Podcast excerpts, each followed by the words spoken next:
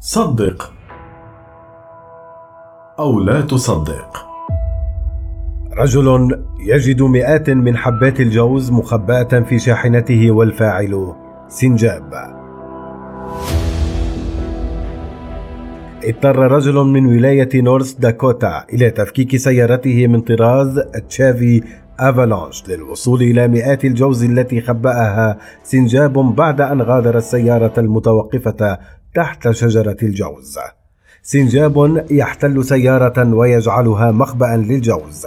بعد العودة إلى المنزل من رحلة عمل استغرقت أربعة أيام، وجد بيل فيتشر بائعا من فارجو بولاية نورث داكوتا بالولايات المتحدة سيارته الصغيرة من طراز Chevy Avalanche ممتلئة بالجوز يبدو أن سنجابا وجد أن الجوز لا يقاوم وفي كل خريف يقوم بجمعها وتخزينها لفصل الشتاء. تكمن المشكلة في أنه لسبب ما يبدو دائما أنه يفضل شاحنة بيل كمخزن ولم يكن هذا العام مختلفا. لكن في الواقع كان الأمر أسوأ من المعتاد حيث تم تكديس حوالي 42 جالونا من الجوز في جميع أنحاء السيارة.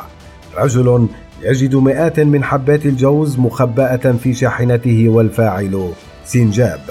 قال بيل لصحيفة جراند فوركس كان علي أن أزيل الرفراف وتنظيف كل الجوز واعتقدت أنني نظفتها تماما لكن بعد أن قدت السيارة على الطريق ثم انعطفت فوجدت واحدة من الجوز تتدحرج على الزجاج الأمامي.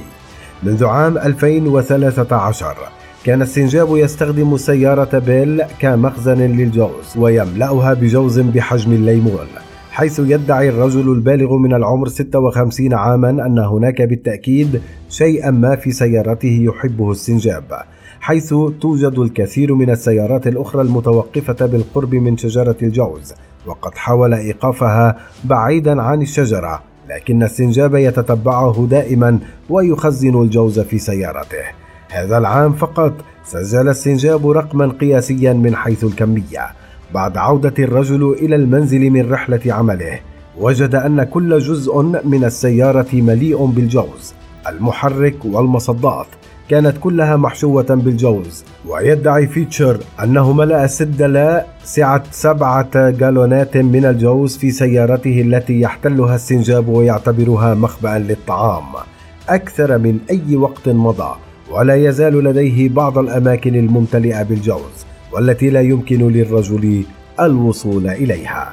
على مر السنين تعلم بيل فيتشر الانتظار حتى لا يكون هناك المزيد من الجوز تحت الشجرة لبدء تنظيف سيارته. وإلا فإن السنجاب سوف يخبئ الجوز فيها مرة أخرى بعد تنظيفها. المحرك هو المكان المفضل للسنجاب لكنه سيضع الجوز في أي مكان آخر يجده مناسبا في السيارة أيضا.